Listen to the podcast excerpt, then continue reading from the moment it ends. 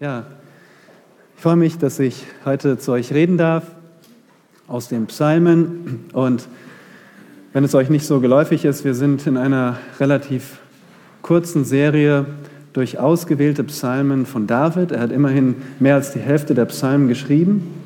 Und David hat ein volles Leben gelebt. Er hat alle möglichen Lebenssituationen durchgelebt. Und deswegen ist es so wertvoll für uns, dass wir von David lernen, wie man Gott fürchtet in jeder erdenklichen Lebenssituation. Und so hat David, ja, als Hirtenjunge hat er in die Sterne geschaut und das hat ihn geprägt und wir sehen das in Psalm 8. Wir haben gesehen, wie David auf der Flucht war vor Saul und auf Gott geschaut hat. Wir haben gesehen, wie er sich freuen konnte, nachdem Gott ihn geheilt hat als er auch schon König war. Haben gesehen, wie er auf den höchsten König blickte, den Herrn Jesus Christus, im Psalm 110. Wir haben gesehen, wie er schwer gesündigt hat in seiner Sünde gegen Bathseba, gegen Uriah und wie Gott ihm Buße gab. Und heute kommen wir zu einer weiteren Lebensstation von David im Psalm 63 und ich möchte vorher noch den Herrn um Hilfe bitten. O Vater im Himmel, du bist geheiligt über alle Namen, denn du bist unser Schöpfer, du bist der uns erwählt hat vor Grundlegung der Welt, damit wir deinen Sohn erkennen und damit wir im Glauben an ihn leben in dieser gefallenen Welt, in der Hoffnung auf deine neue Welt. Und du nährst uns durch dein Wort und das tust du täglich. Und so gib uns jetzt unsere tägliche Stärkung in dir, wie du uns unser tägliches Brot so treu gibst. Und danke für dein heiliges Wort, dass es auch nach 3000 Jahren immer noch lebendig ist. Und so, ja, brich du den Boden auf, unsere Herzen, sodass wir empfänglich sind für den Regen, für den Segen deines Wortes. Nähre du uns mit Jesus Christus, Vater. Amen.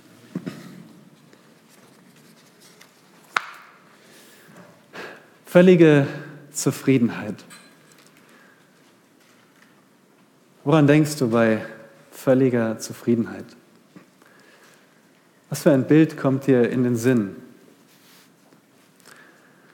Und ich denke dabei zum Beispiel an eins meiner Kinder.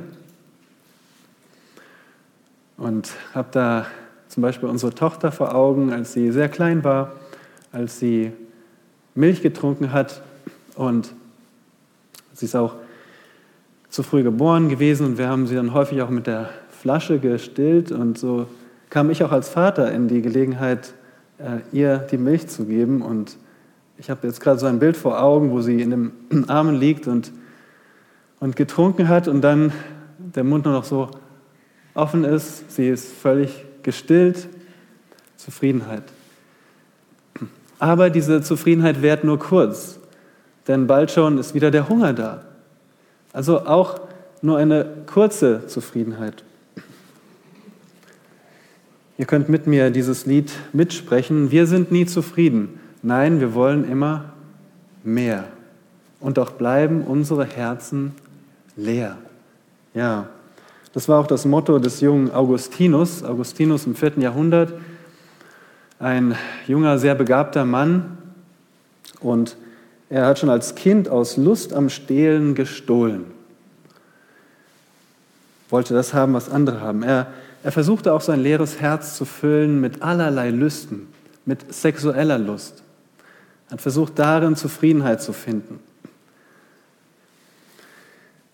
Er hat sich mit Unterhaltung im Theater versucht zu füllen.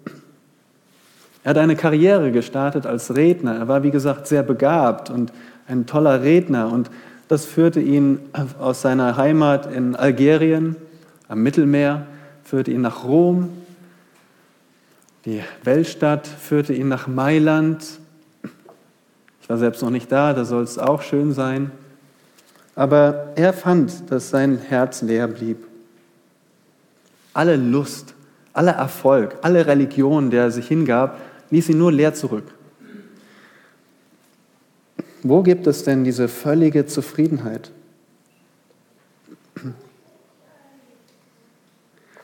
Nun, C.S. Lewis schrieb, Zitat, wenn ich in mir ein Verlangen finde, das keine Erfahrung in dieser Welt zufriedenstellen kann, dann ist es sehr wahrscheinlich, dass ich für eine andere Welt gemacht wurde. Also in anderen Worten, wenn all diese Erfahrungen, die ich hier machen kann auf der Erde, wenn das mich nicht zufrieden macht, dann muss es irgendetwas anderes geben, was diese Zufriedenheit bringt. Er hatte sehr recht. Heute schauen wir auf eine in der Seele zufriedene Person im Psalm 63.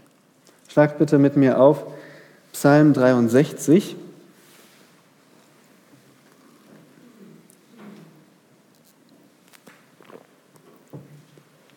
Wir lesen den ersten Vers, ein Psalm Davids. Natürlich, ein Psalm Davids. Und dann sehen wir, wo er war, als er in der Wüste Juda war. David, dieser auch sehr begabte Mann in Musik, er schrieb ein weiteres Lied, ein Psalm, und er war ein erfolgreicher Mann, erfolgreich im Krieg. Er hatte einen steilen Aufstieg, aber diesen Psalm schrieb er nicht an dem Punkt, wo, es, wo alles super lief in seinem Leben, sondern er schrieb diesen Psalm in einer sehr schweren Lage, in einer Krise. Und das sehen wir anhand von dieser Bemerkung, als er in der Wüste Juda war. Nun, die Wüste Juda, erst einmal, was ist das für ein Ort? Der, die Wüste Juda fällt sehr steil ab von dem Bergland hin zum Meer. Und das geht da 1000 Meter hinunter und es ist wie gesagt eine Wüste. Ich war 2016 dort, habe euch ein paar Bilder mitgebracht, die wir uns ansehen können. Hier sehen wir diese steilen Abhänge und im nächsten Bild dann sehen wir, da gibt es einen Weg, der Weg von Jerusalem nach Jericho und der führt durch diese Wüste Juda. Ihr seht diese Hügel, dort ist kein Grün, da gibt es eben sehr wenig Regen, ein paar Tage im Jahr, dass es regnet, keine Pflanzen so richtig. Noch ein paar Eindrücke auf den nächsten beiden Folien.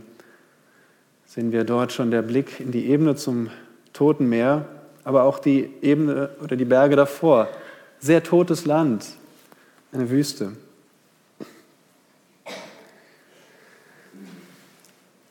Nun, David war in zwei, mindestens zwei Lebensphasen in dieser Wüste. Die erste Phase war, als er auf der Flucht vor Saul war. Saul verfolgte ihn und David kam in diese Wüste. In der zweiten Phase, das war, als er schon König war, da wurde er verfolgt von seinem eigenen Sohn, von Absalom. Absalom zog vom Süden nach Jerusalem und immer mehr Volk sammelte sich zu ihm. Denn Absalom war der älteste Sohn damals von David, der sich ja, den Thron selbst nehmen wollte. Er hat sich selbst zum König proklamiert als David noch lebte und er zog jetzt auf Jerusalem zu und David blieb nur noch die Flucht. Und die Flucht ging nach Osten. Und wenn man nach Osten kommt, kommt man in dieses dürre Land, die Wüste, wo es kein Wasser gab, kein Essen, keine Begeisterung vor Augen, nur dieses karge Land. Da gab es keine Ermunterung, keinen Trost und auch kein Bett.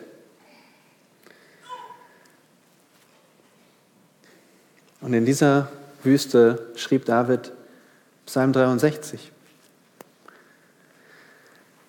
Er war also in der Krise und das ist sympathisch für uns, weil wir sehen hier jetzt einen Mann, der zufrieden ist in der Krise.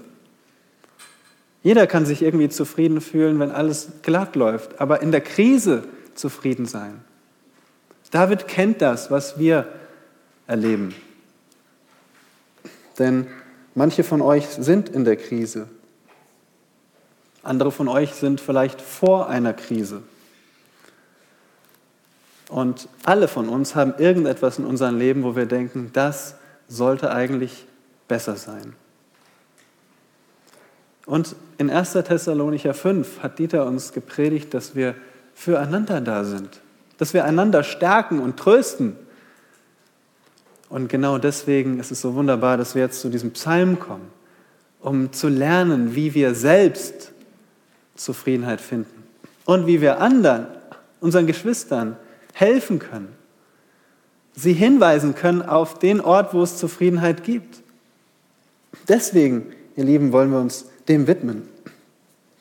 Und ich glaube, dass David in dieser zweiten Phase diesen Psalm schrieb, als er nämlich vor Absalom floh. Warum glaube ich das? Nun, wir lesen in diesem Psalm, dass in Vers 12, dass er sich als König bezeichnet. Er sagt, der König aber wird sich freuen in Gott. Im Psalm 61, Vers 7 lesen wir das ähnlich. Da schreibt auch David und schreibt in Vers 7, verleihe dem König langes Leben. Also er betet für sich selbst in der dritten Person und sagt, verleihe dem König, also mir, langes Leben. Und so bezeichnet er sich als König in Psalm 63. Und er war König, als er vor Absalom floh. Und deswegen glaube ich, dass wir uns da hineinversetzen können in diese Lage, als David vor Absalom floh in Richtung Wüste. Und in dieser Lage, da zog auch einiges Volk mit ihm, solche, die ihn unterstützten, zogen mit ihm. Und dann kamen sogar die Priester mit der Bundeslade. Sie wollten die Bundeslade mitnehmen. Und wisst ihr, was, was David dann sagte, als er die Bundeslade sah? Ich zitiere 2 Samuel 15, 25. David sprach, bringe die Lade Gottes wieder in die Stadt zurück. Wenn ich Gnade vor Jahwe finde, so wird er mich zurückbringen, dass ich ihn und seine Wohnung wiedersehen darf. Wenn er aber spricht, ich habe kein Gefallen an dir, siehe, hier bin ich. Er verfahre mit mir, wie es ihm gefällt. David hat es völlig Gott überlassen, aber er hat sich danach gesehnt, wieder Gott zu sehen in Form der Stiftshütte der Bundeslade. Und jetzt wollen wir uns Psalm 63 widmen und diesen Psalm gemeinsam lesen. Psalm 63 nach der Schlachter 2000. Im Psalm Davids als er in der Wüste Juda war. O Gott, du bist mein Gott. Früh suche ich dich. Meine Seele dürstet nach dir. Mein Fleisch schmachtet nach dir. In einem dürren, lechzenden Land ohne Wasser dass ich deine Macht und Herrlichkeit sehen darf, gleich wie ich dich schaute im Heiligtum. Denn deine Gnade ist besser als Leben. Meine Lippen sollen dich rühmen. So will ich dich loben mein Leben lang, in deinem Namen meine Hände aufheben. Meine Seele wird satt wie von Fett und Mark, und mit jauchzenden Lippen lobt dich mein Mund. Wenn ich an dich gedenke, auf meinem Lager, in den Nachtwachen nachsinne über dich. Denn du bist meine Hilfe geworden und ich juble unter dem Schatten deiner Flügel. An dir hängt meine Seele. Deine Rechte hält mich aufrecht. Jene aber, die meine Seele verderben wollen, werden hinabfahren in die untersten Örter der Erde. Man wird sie der Gewalt des Schwertes preisgeben. Eine Beute der Schakale werden sie sein. Der König aber wird sich freuen in Gott. Wer bei ihm schwört, wird sich glücklich preisen. Doch der Mund der Lügenredner wird gestopft. Ihr Lieben, hier sehen wir in die Seele eines zufriedenen Menschen. Wir sehen hier drei Regungen in der Seele. Trotz Krise. Drei Regungen einer Seele, die trotz Krise in Gott zufrieden ist. Und deswegen ist auch die erste Regung, nach Gott verlange ich. Das lernen wir in den Versen 1 bis 5. Wir wissen, dass David in dürrer Gegend war und er war bedroht von Blutdürstigen. Und wonach verlangt jetzt seine Seele in dieser Lage? David verlangt zuerst nach Gott. Nur Gott kann seinen Seelendurst stillen. Wonach verlangt David? In Vers 2 sehen wir es. O Gott, du bist mein Gott. Und ich habe mich gefragt, ihr Lieben, wie wurde denn Gott sein Gott? Und meine Antwort ist erstens, David ist als Israelit geboren. Ja, wenn wir lesen zum Beispiel in, im fünften Buch Mose, Kapitel 6, Vers 4 heißt es, höre Israel, Jahwe ist unser Gott, Jahwe allein. Und du sollst Jahwe, deinen Gott, lieben. Mit deinem ganzen Herzen, mit deiner ganzen Seele und mit deiner ganzen Kraft. Hier heißt es, Jahwe, dein Gott, sagt er zu dem Volk Israel. Aber nicht nur zu allen insgesamt, sondern auch zu dem Einzelnen, weil in den folgenden Versen geht es ja darum, du sollst davon reden, wenn du dich hinlegst, wenn du aufstehst. Da wird der Einzelne angesprochen. Also das ganze Volk hat Jahwe zum Gott, aber auch jeder Einzelne. David war Israelit, Jahwe war sein Gott.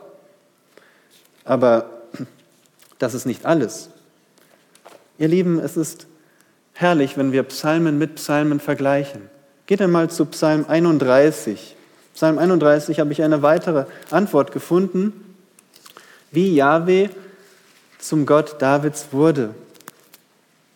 Denn hier sehen wir ganz klar in Vers 15, wir alle können es verstehen, wie David sagt, aber ich vertraue auf dich, o Yahweh.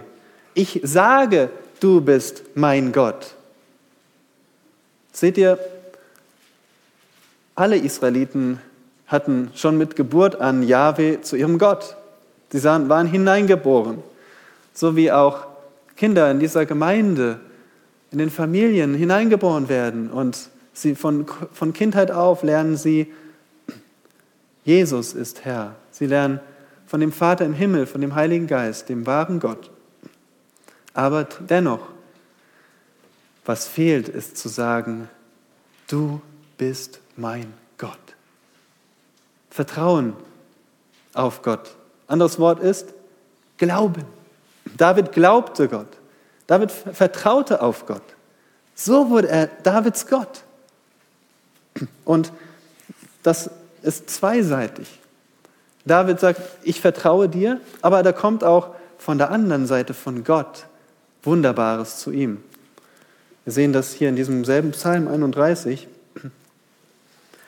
wo er am Anfang sagt, bei dir, o Jahwe, habe ich Zuflucht gefunden. Vers 2. Lass mich niemals zu Schanden werden.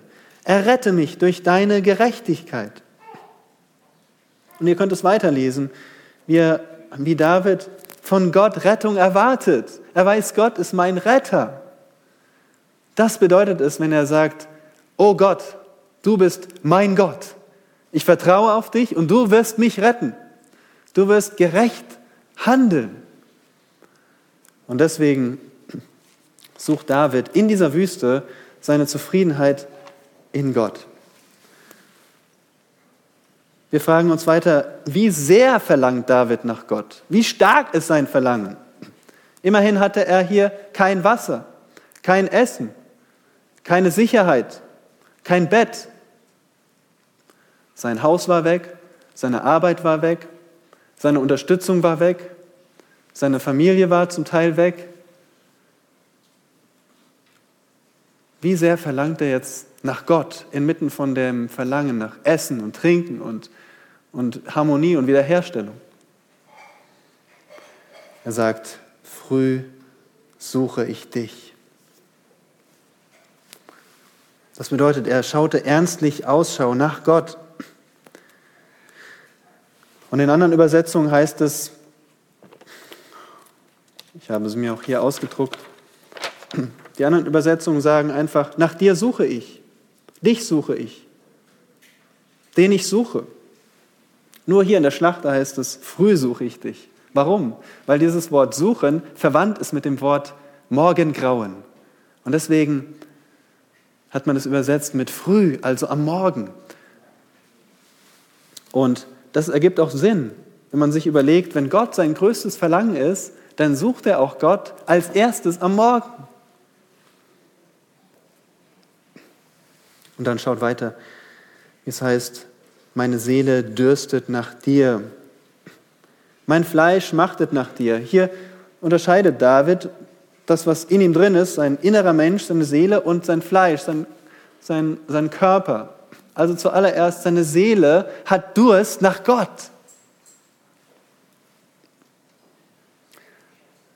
Und auch sein Körper. Aber zuerst die Seele, dann der Körper. Innerlich hat er Durst nach Gott und das hat Auswirkungen auf seinen Körper. Das ist nicht nur etwas, was mental passiert, sondern sein Körper wird davon mit eingenommen. Und so sagt er, sein ganzer Mensch, Leib und Seele, hat Durst nach Gott.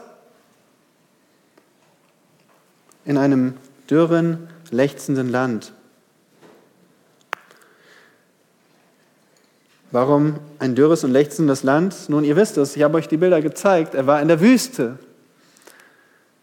Aber er drückt es so wunderbar aus hier, lechzendes Land. Das ist dasselbe Wort, was verwendet wird, als der Trupp von David Rast machte in der Wüste, weil sie erschöpft waren.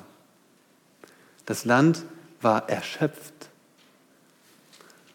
Und David sieht jetzt das Land als ein ein Gemälde seiner eigenen Seele.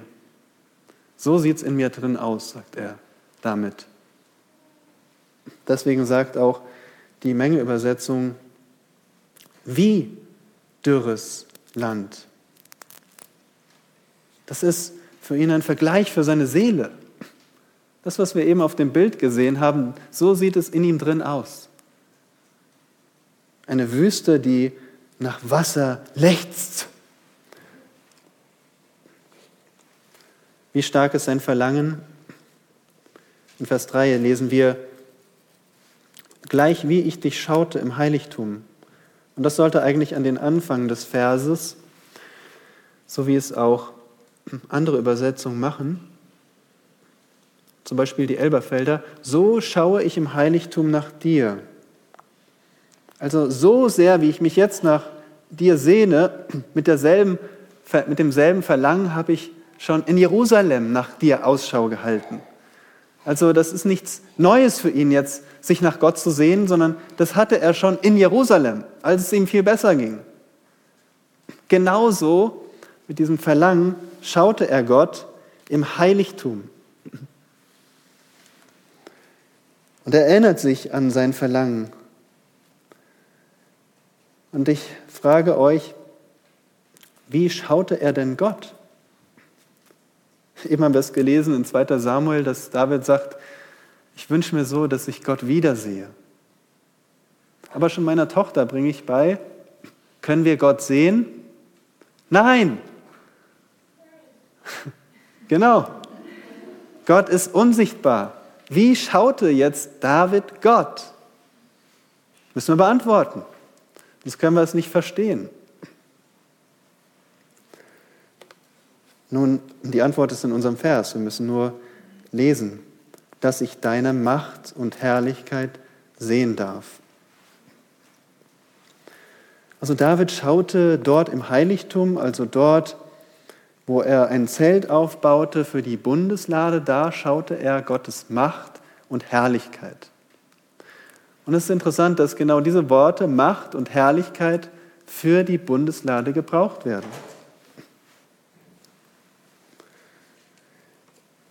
Im Psalm 132, Vers 8 wird die Bundeslade bezeichnet.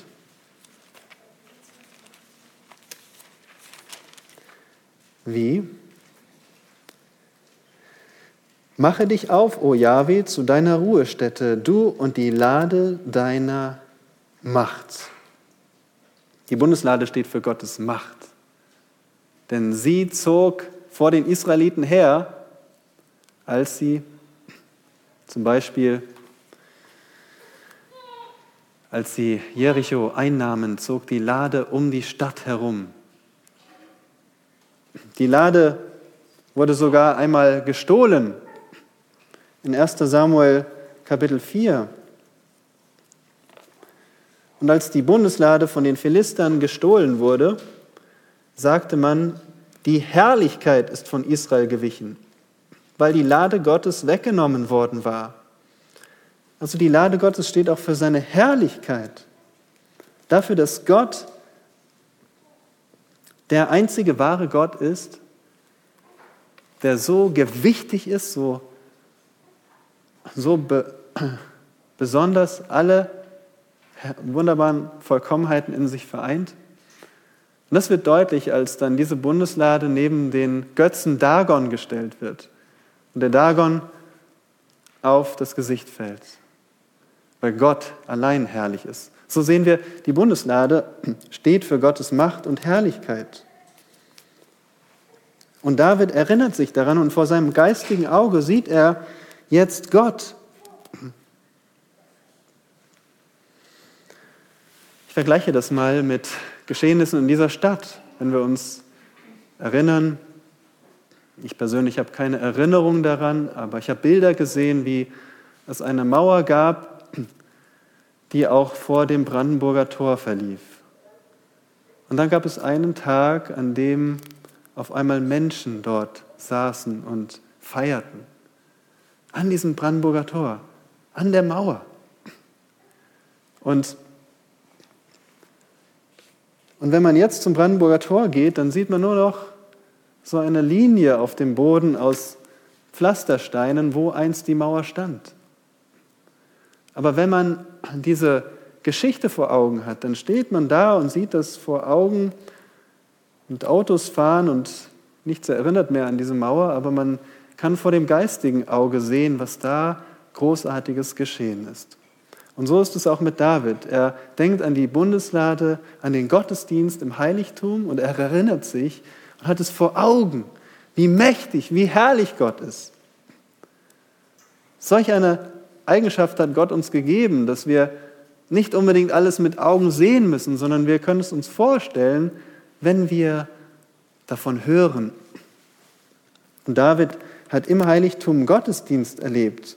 Dort wurde das Gesetz gelehrt, dort wurde gelobt, dort wurde Gottes Vergebung dargestellt durch die Opfer. Und all, nach all dem sehnt sich David und erinnert sich an den Gottesdienst dort bei der Bundeslade. Und das, das, ihr Lieben, das entfacht sein Verlangen nach Gott. Aber das ist nicht das Größte, das kommt jetzt.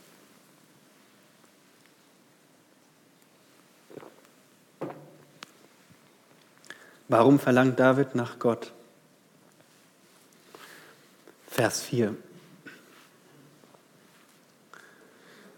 Besser übersetzt mit weil.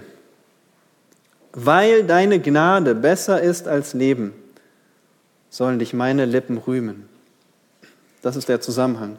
Weil deine Gnade besser ist als Leben, deswegen sollen dich meine Lippen rühmen. Und hier haben wir es was David so verlangen lässt nach Gott. Deine Gnade ist besser als Leben. Und hier, ihr Lieben, wir werden immer davor gewarnt, wenn wir Hebräisch und Griechisch können, dass wir das nicht so darstellen.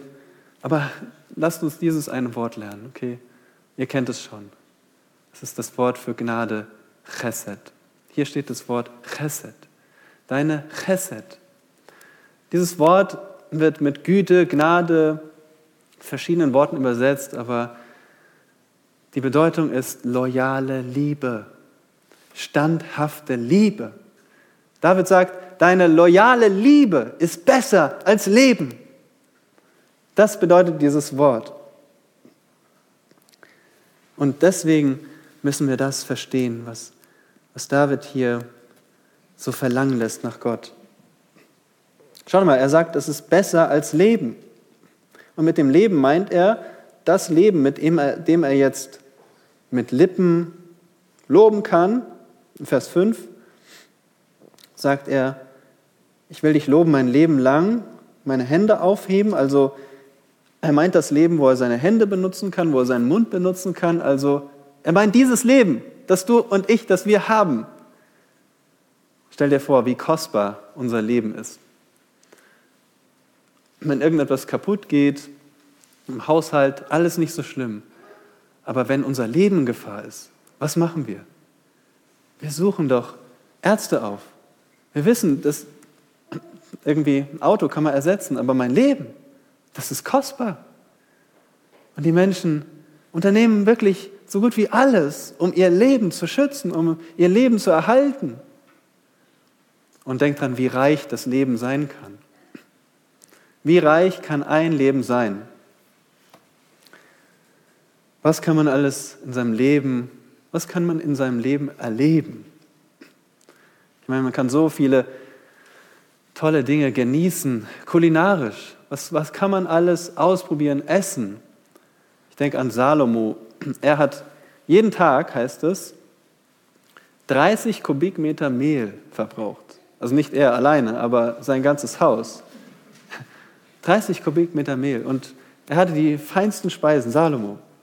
Was kann man alles wissen? Was kann man alles studieren in seinem Leben? Salomo hatte die größte Weisheit unter allen Menschen. Was kann man alles, woran kann man sich erfreuen? David, äh, Salomo erfreute sich an Frauen. Er erfreute sich an Bauwerken. Er baute ein Haus mit einer großen Halle für sich als König und es war von oben bis unten mit feinstem Holz ausgelegt. Er hatte Pferde und Streitwagen, hunderte Stellplätze für Pferde. Also wenn man es heute auf heute bezieht, stell dir vor, was kann ein Mensch in seinem Leben alles erleben? Was kann er für Autos besitzen? Was kann er für eine Villa haben, für Yacht, eine Yacht haben, für einen Einfluss haben als Konzernchef? Und jetzt sagt David, ich kenne was. Das ist besser als das. Und das ist Gottes Chesed. Und deswegen müssen wir diese Chesed schmecken. In Gottes Liebe führte er Abrahams Knecht zur Familie von Abrahams Bruder. Genau zu der richtigen Familie, damit Isaak eine Frau bekommt, die Gott fürchtet, Rebekka. In seiner Liebe gab Gott Josef Gunst im Gefängnis beim Obersten des Gefängnisses. Es kommt noch besser. In Gottes Liebe leitete er sein versklavtes Volk aus Ägypten heraus in die Freiheit, in den Bund mit ihm. In seiner Liebe vergab Gott dem rebellischen Volk in Kadesh. Die sagten, okay, jetzt ist genug. Wir sterben lieber in der Wüste, als dass wir in dieses Land gehen. Wir gehen zurück nach Ägypten, Gott. Gott vergab ihnen in seiner loyalen Liebe. Und noch besser ist 5. Mose 7, Vers 9.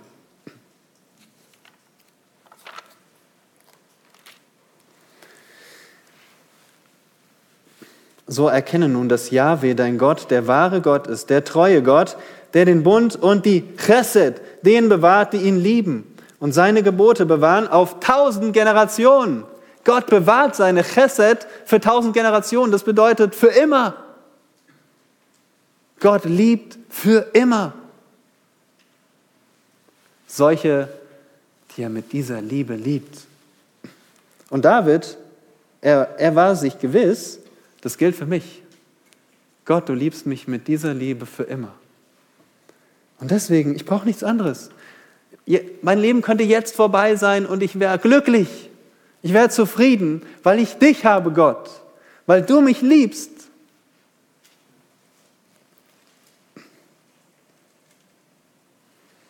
Das ist so beeindruckend, oder? David ist hier in der Wüste und seine erste Sorge ist nicht, wie kommen wir möglichst schnell weg von Absalom. Seine erste Sorge ist nicht, ja, wo kriegen wir Wasser her? Seine erste Sorge ist nicht, wo gehen wir jetzt hin, wo gehen wir in die Flucht, sondern seine erste Sorge ist, Gott, meine Gemeinschaft mit dir. Ich sehne mich nach dir. Mit welcher Folge verlangt David nach Gott? Nun, ihr seht es hier in Vers, Vers 4. Er sagt, meine Lippen sollen dich rühmen. Vers 5. So will ich dich loben mein Leben lang. In deinem Namen meine Hände aufheben. Und dieses Hände aufheben ist ein Zeichen des Gebets. Er will sein Leben lang beten und Gott loben. Dafür, wer Gott ist. Unabhängig davon, was mit ihm passiert.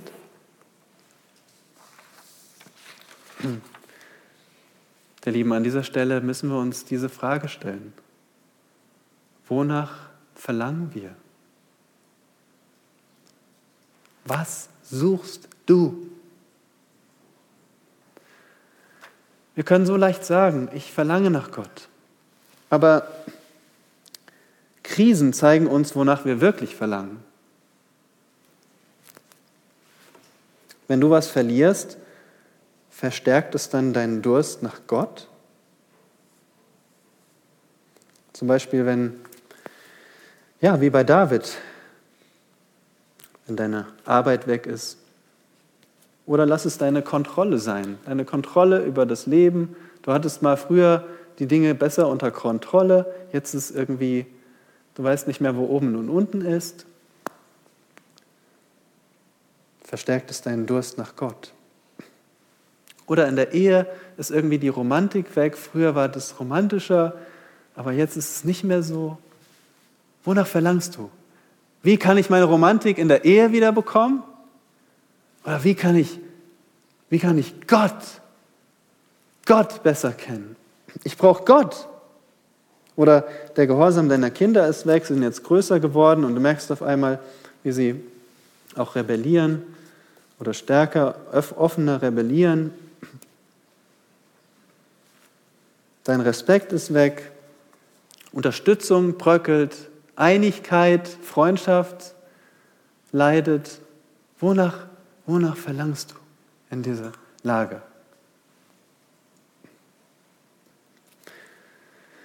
Wir sind so wunderbar, wir sind nicht mehr vor dem Kreuz, sondern wir sind nach dem Kreuz.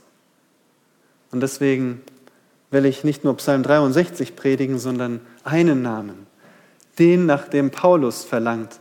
Ja, in Philippa 1, Vers 23 sagt Paulus uns die Lösung.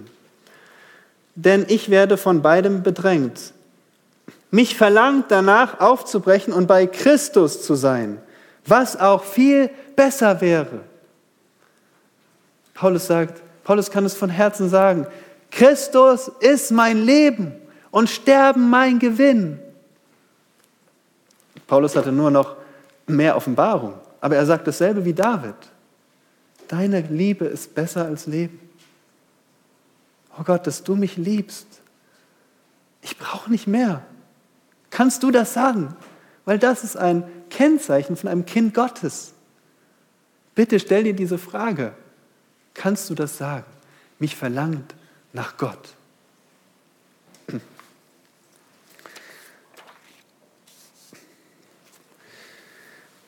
Und wir achten weiter auf die Regungen von Davids Seele. Und die zweite Regung ist in den Versen 6 bis 8 zu sehen.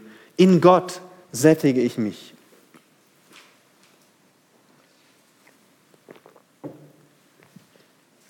Und es ist logisch.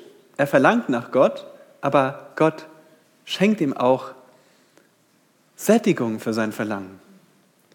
Jetzt werden wir zeugen, wie Davids Durst in Gott gestillt wird. Und wir erfahren auch, wie sein Durst gestillt wird.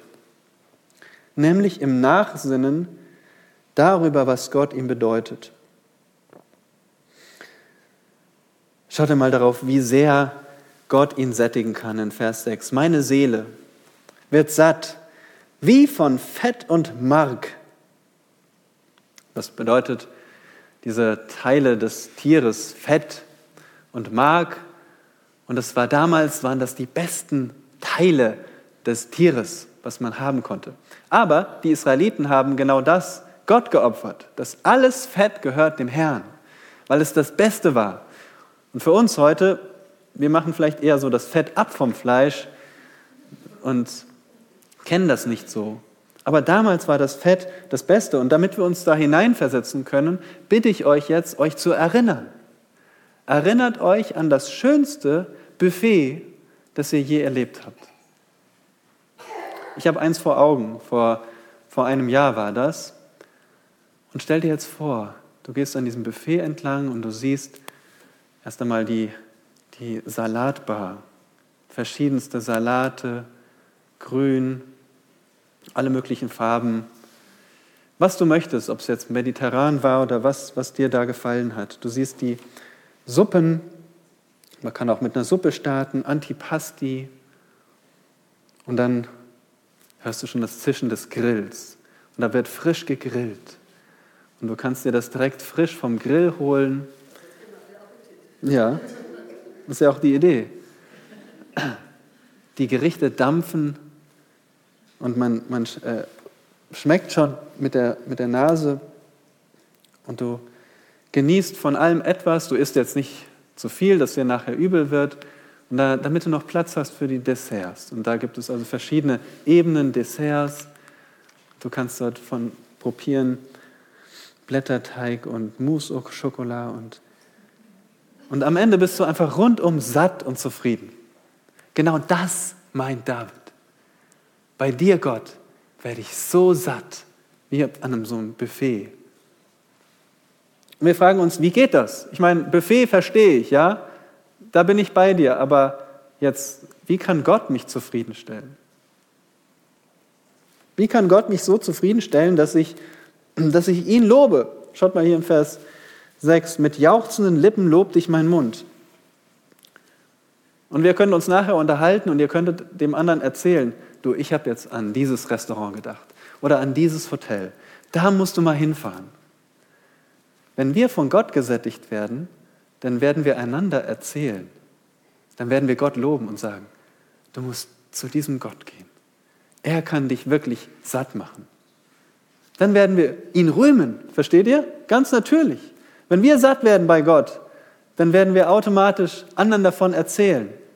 Dann werden wir ihn loben, weil er das verdient. Aber jetzt die Frage, wodurch wird man denn satt in Gott? Erklär mir das. David erklärt es uns in Vers 7. Wenn ich an dich gedenke auf meinem Lager. David ist in der Wüste. In der Wüste ist es schwierig zu schlafen. Du hast nicht dein äh, kuscheliges Bett. Du hörst die Schakale heulen in der Nacht. Schakale, diese Art Schäferhund großen Tiere, die Aas fressen die in Rudeln jagen oder in Rudeln auf der Suche nach Beute sind.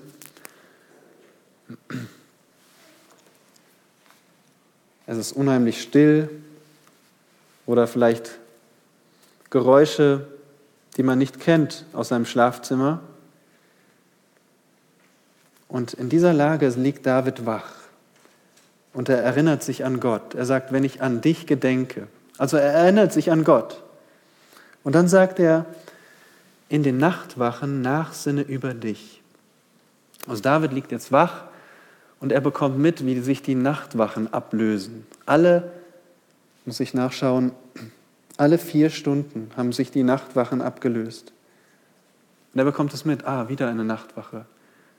Und während dieser Zeit sinnt er nach über Gott. Nachsinnen ist mehr als erinnern. Nachsinnen ist mehr als erinnern. Ich kann mich an etwas erinnern, so wie wir vorhin gehört haben. Johannes 3, Vers 16. Ah ja, ich erinnere mich, kenne ich. So sehr hat Gott die Welt geliebt. Ja, genau, ich weiß. Nachsinnen ist mehr als das. Nachsinnen ist genießen, schmecken, verdauen. Wir kennen das Wort Hamstern.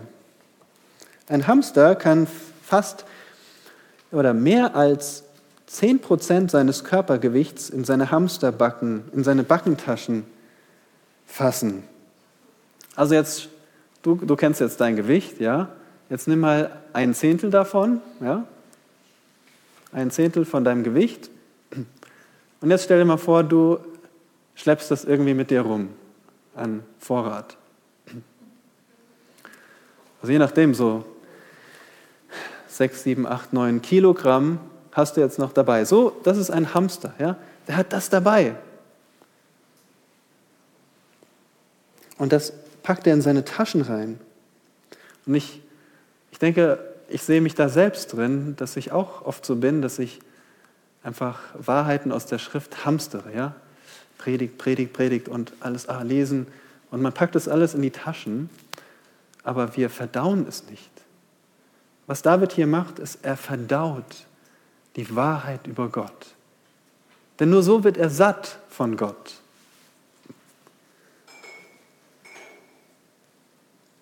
Aber worüber sind David nach? Schaut in Vers 8. Denn du bist meine Hilfe geworden und ich juble unter dem Schatten deiner Flügel. Er denkt darüber nach, wie Gott seine Hilfe ist, seine nötige Hilfe. Das ist nichts Abstraktes, sondern er denkt konkret darüber nach, wie Gott ihm geholfen hat, in Not. Darüber denkt er nach. Und das fand ich so interessant, wie da ein englischer Geistlicher, dessen Namen ich noch nie gehört habe, sein Name ist, Nachname ist Melville, der hat sogar der Königin Victoria gedient. Und der hat sowas gesagt, Sinn, was ich sinngemäß wiedergebe. Er sagt, wenn du in deinem eigenen Gedächtnis Erinnerungen hast daran, wie Gott dir geholfen hat, das ist wertvoller als das, was du in den Biografien findest. Ich lese gern Biografien und, und ich ähm, bin auch leicht stolz drüber, so was ich alles weiß von Menschen in vergangenen Zeiten. Aber das hat mich so richtig getroffen. Okay, wertvoller als das, was ich in meinem Bücherschrank habe, ist, wenn ich erlebe, wie Gott mir hilft. Darüber, darüber muss man erstmal nachdenken und das, das fiel mir auch nicht so leicht. Wie hat Gott dir geholfen? Ich weiß zum Beispiel, als ich als 20-Jähriger nach Berlin kam, geriet ich zunächst in eine, in eine Sekte hinein und hatte einen Monat etwa Kontakt mit ihnen. Und dann machte der Herr klar, dass ich da nicht bleiben sollte. Und der Herr hat mich da rausgerettet. Er war meine Hilfe, das zu erkennen. Und jetzt ein Beispiel, für das ihr mich gerne auslachen könnt. Aber heute füllte ich etwas Öl nach in unser Auto. Und als ich den Ölstab reinigte, legte ich das Papiertuch dann ab und es fiel mir rein in den Motorraum. Und ich dachte, so ein ölgetränktes Taschentuch kann doch irgendwie anfangen zu brennen oder so. Ich musste es da rauskriegen, aber ich sah es nicht mehr. Wir haben gebetet und wir haben uns eine Möglichkeit überlegt. Ich habe mit der Taschenlampe geschaut und Gott hat mir geschenkt, dass ich dieses Taschentuch sehen konnte und dass wir mit einem Werkzeug es wieder rausbekommen hatten. Und ich habe nur gedacht, ja, genau das erzähle ich euch heute, weil das ist so eine Hilfe wo Gott uns in kleinen Dingen hilft. Und ich kann darüber nachdenken und ich nehme das für mich an, dass Yahweh mir geholfen hat. Vielleicht ist es gar nicht schlimm, wenn da ein Taschentuch drin liegt, aber ich glaube, Gott hat mir geholfen. Und ich wünsche euch, dass ihr genauso das kennt, dass Gott euch hilft und dass ihr euch daran sättigen könnt. Dass ihr wissen könnt, was David weiß, ich bin unter dem Schatten deiner Flügel. Und damit meint er, ich bin mit dir im Bund, Gott. Denn Gott hat die Israeliten unter dem Schatten seiner Flügel, hat er sie aus Ägypten gebracht.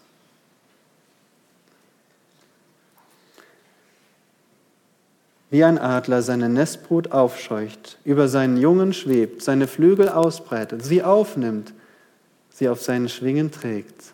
So ist Yahweh für David.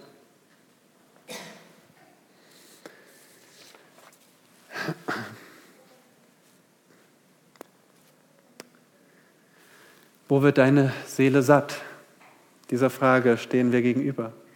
Wo bist du? Wird deine Seele satt? Und ich will euch Christus predigen. Und der Herr Jesus Christus sagt es in Johannes 6, Vers 35. Jesus aber sprach zu ihnen, ich bin das Brot des Lebens. Wer zu mir kommt, den wird nicht hungern. Und wer an mich glaubt, den wird niemals dürsten. Nur bei Jesus Christus werden wir satt. Erfährst du das? Kennst du das? Gehst du zu ihm, um dich zu nähern?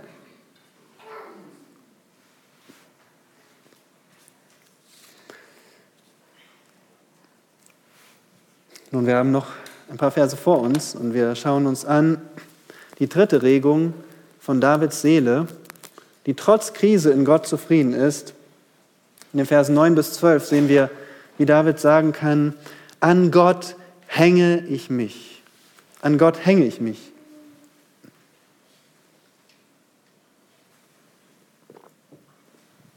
Und ihr seht, das kommt aus dem Text in Vers 9, wie David wortwörtlich sagt, an dir hängt meine Seele. David schreibt hier in der Krise, also er macht hier nicht seine stille Zeit, alles ist in Ordnung, sondern er ist, er ist in der Verfolgung von blutdürstigen Menschen. Da schreibt er diesen Psalm. Und die sind hinter ihm her und die haben ein Ziel, nämlich David tot zu kriegen. Das war das ausdrückliche Ziel. Und in diesem Druck hängt David sich an Gott. Er hängt sich an Gott. Und er schaut sogar mit Zuversicht auf die Zukunft, weil er weiß, Gott siegt für ihn. Ihr seht es hier, wie David reagiert in der Krise. An dir hängt meine Seele. Das Wort hängen ist dasselbe Wort wie in 1. Mose 2, wo es heißt, ein Mann soll Vater und Mutter verlassen und seiner Frau anhängen. Ankleben, das ist die engste Verbindung, die es gibt unter Menschen. Anhängen. Es ist dasselbe Wort, was auch Gott verwendet in 5. Mose 10, wenn er zu dem Volk Israel sagt, wie sie die Beziehung zu ihm halten sollen. Du sollst Jahwe, deinen Gott, fürchten, ihm sollst du dienen, ihm sollst, ihm sollst du anhängen und bei seinem Namen schwören. Das bedeutet, ich hänge mich an dich, ich bin im Bund mit dir, Gott. Aber woher kommt die Kraft dazu? Versteht ihr? Wir Menschen, wir können uns für vieles entschließen. Wir können sagen, ich will. Und dann merken wir ein paar Tage später, ah, ich kann doch nicht. Ich will doch nicht. Schau dir mal, wo die Kraft herkommt. Deine Rechte hält mich aufrecht. Das ist so gewaltig. Wir sehen hier beide Seiten. David sagt, ich hänge mich an dich, Gott, und Gott sagt, ich halte dich mit meiner rechten Hand. Die rechte Hand ist Gottes Hand, mit der er Israel aus Ägypten geholt hat. Das ist die rechte Hand, mit, mit der er all die Ägypter vernichtet hat. Mit dieser rechten, in dieser rechten Hand weiß sich David. David sagt also, ich bleibe dir treu, Gott, aber du hältst mich aufrecht. Und in diesem einfachen Glauben sieht David den Ausgang seiner Krise. Er hat hier das Vorrecht, er weiß schon, wie es ausgeht. In Versen 10 bis 12 sagt er uns das. Er weiß, die, die hinter ihm her sind, die werden hinabfahren in die untersten Örter der Erde. Die Feinde wollten David vernichten, aber sie werden sterben, anders gesagt. Sie fahren hinab, sie sterben körperlich. Vers 11. Sie wollten ihn mit dem Schwert töten, aber sie werden selbst durch das Schwert umkommen. Gott wird sie dem Schwert preisgeben. Und damit nicht genug. Sie werden nicht nur durch das Schwert umkommen, sondern ihr Leichnam, was wird mit ihrem, ihrer Leiche passieren? Sie werden eine Beute der Schakale sein. Wisst ihr, das ist so, so schändlich. Ihr, ihr, die Leichname werden da liegen und die Schakale, die ja Aasfresser sind, kommen und fressen sie auf. Zerren an ihrem Fleisch und schlingen es runter. Das passiert mit seinen Feinden, das weiß David. Und dann spricht er in Vers 12 von sich selbst. Der König aber wird sich freuen in Gott. Damit meint er sich selbst, der König. Der König, er weiß, dass Gott ihn zum König eingesetzt hat, dass Gott einen Bund mit ihm gemacht hat. Er wird sich freuen in Gott. Wir sehen das in 2 Samuel 7, wie Gott verspricht, ich werde meine Chesed nicht von deiner Familie weichen lassen. Und Absalom war, war ein Gottloser. Er hat einfach ohne Gottes Willen hat er diese Rebellion angezettelt. Und darum wusste David, dass dieser Absalom nicht, der wird nicht zum Ziel kommen. Aber ich werde mich freuen in dir, so wie ich es jetzt schon tue, sagt er. Und mit wem freut er sich? Hier kommen wir zum ersten Mal zu anderen Leuten, die bei ihm sind. Jetzt schaut er auch, interessant, oder David hat nur so einen Blick, nur Gott, Gott. Und jetzt sieht er auf einmal die Leute um sich herum und sagt, wer bei ihm schwört. Die Frage ist jetzt, was bedeutet ihm? Und ich verstehe es als Hinweis auf Gott selbst. Wer also bei Gott schwört, wird sich glücklich preisen. Was heißt es bei ihm schwören? Wir haben es ja vorhin schon gelesen in 5. Mose 10. Das Volk Israel soll Gott anhängen und bei ihm schwören. Das bedeutet, wenn man also etwas verspricht, zu sagen, okay, ich schwöre bei Gott, weil Gott so erhaben ist und weil ich damit ausdrücken will, ich werde mein Wort halten. Damit zu sagen, das, was ich sage, ist unzerbrechlich. Versteht ihr, hier sind es, das sind wahre Gläubige. Das sind solche, die Gott fürchten und die bei ihm schwören. Und er sagt, wer das tut, der wird sich glücklich preisen. Ja, alle, die jetzt mit mir an Gott festhalten, die werden einmal sich freuen können. Doch der Mund der Lügenredner wird gestopft. Das sind seine Feinde.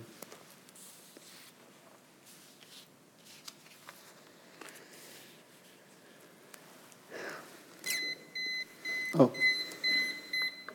das war der Timer. Gut, jetzt bin ich entlarvt. Ich muss zum Schluss kommen.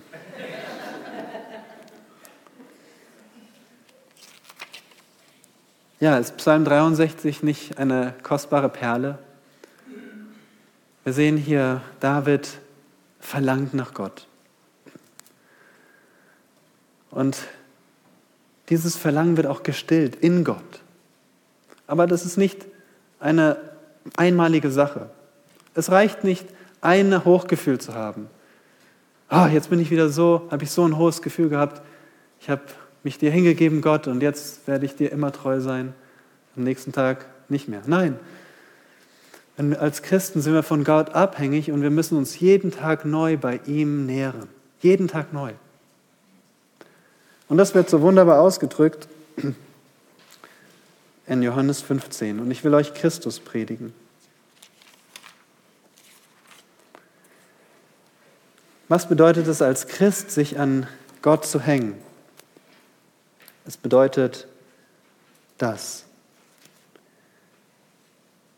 Jesus spricht, ich bin der wahre Weinstock und mein Vater ist der Weingärtner. Jede Rebe an mir, die keine Frucht bringt, nimmt er weg. Jede aber, die Frucht bringt, reinigt er, damit sie mehr Frucht bringt. Ihr seid schon rein um des Wortes willen, das ich zu euch geredet habe. Bleibt in mir und ich bleibe in euch. Gleich wie die Rebe nicht von sich selbst aus Frucht bringen kann, wenn sie nicht am Weinstock bleibt, so auch ihr nicht, wenn ihr nicht in mir bleibt. Ich bin der Weinstock, ihr seid die Reben. Wer in mir bleibt und ich in ihm, der bringt viel Frucht. Denn getrennt von mir könnt ihr nichts tun. Wenn jemand nicht in mir bleibt, so wird er weggeworfen wie die Rebe und verdorrt. Und solche sammelt man und wirft sie ins Feuer und sie brennen. Wenn ihr in mir bleibt und meine Worte in euch bleiben, so werdet ihr bitten, was ihr wollt, und es wird euch zuteil werden. Dadurch wird mein Vater verherrlicht, dass ihr viel Frucht bringt und meine Jünger werdet.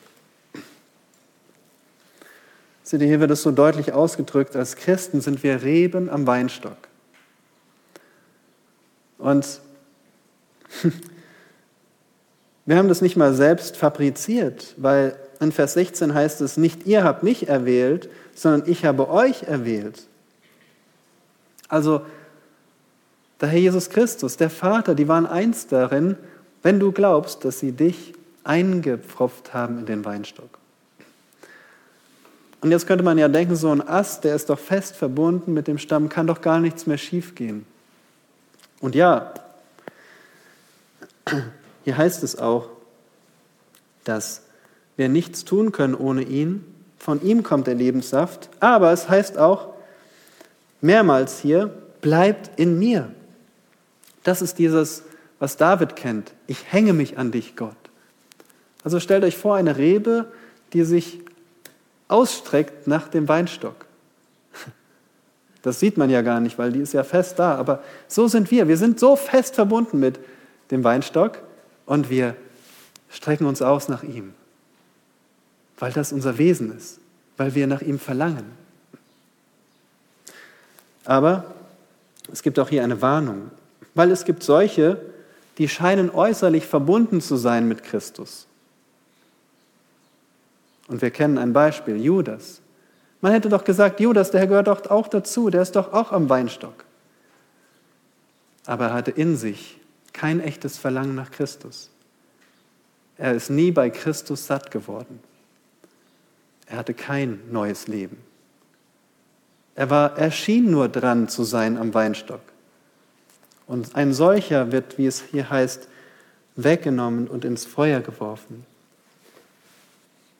Nun könntest du auch sagen, ja, aber lehrt das nicht, dass, dass es letztendlich an uns hängt, weil, ja, es steht auch hier, man kann doch am Weinstock sein und, und dann wieder rausgerissen werden. Also hängt es doch an uns. Ich sage euch nein, denn ich lese euch jetzt Vers 9. Gleich wie mich der Vater liebt, so liebe ich euch. Bleibt in meiner Liebe. Versteht ihr diesen Satz? Gleich wie mich der Vater liebt. Wie liebt der Vater den Sohn? Er liebt ihn mit allerhöchster Liebe. Denn er, er, er, rettet ihm, er schenkt ihm eine neue Menschheit als Braut.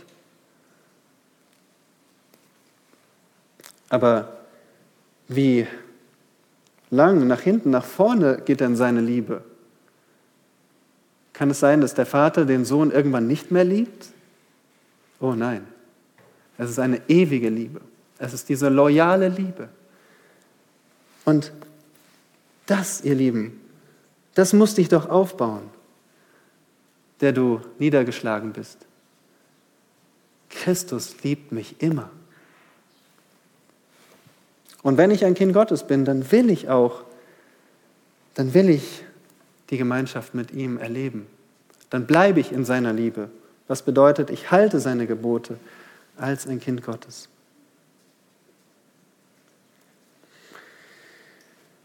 Gottes Liebe gipfelt im Kreuz und deswegen feiern wir auch gleich das Mahl des Herrn. Jesu Liebe für seine Freunde erreicht nicht nur die höchste Höhe, sondern reicht auch unendlich weit. Kennst du seine Liebe als sein Freund? Dann verlangst du auch nach Jesus. Du sättigst dich in Jesus und hängst dich an deinen Herrn Jesus Christus. Und noch als ein PS, Augustinus, sein Herz blieb nicht leer, ihr wisst es. Augustinus in Milan, in Mailand, hörte er, hörte einen bekannten Prediger, und er hörte das Evangelium von Christus, er las in der Bibel und er bekehrte sich zu dem Herrn Jesus Christus. Und Gott rettete ihn aus dem Leben ohne Zufriedenheit, sodass er am Ende sagen konnte, unser Herz ist rastlos, bis es Ruhe findet in dir. Lass uns danken. Vater, wir danken dir für deinen Sohn, denn er ist das Leben. Er ist der Weg und die Wahrheit und er ist das Brot des Lebens, zu dem wir heute kommen können. zu dem wir täglich kommen können. Und wer es noch nie geschmeckt hat, Vater, so bitte öffne die Augen, dass dein Sohn die Ehre bekommt durch die Errettung von kostbaren Seelen. Und hilf uns, dass wir in dir bleiben, so wie du uns aufrufst, Herr Jesus, bleibt in mir. Weil wir uns ausstrecken, wenn wir uns überlegen, wer du bist, unser liebender Herr, dann wollen wir in dir bleiben, dann wollen wir mit dir leben und uns nur an dir sättigen. Ach, gib dazu Gnade. Amen.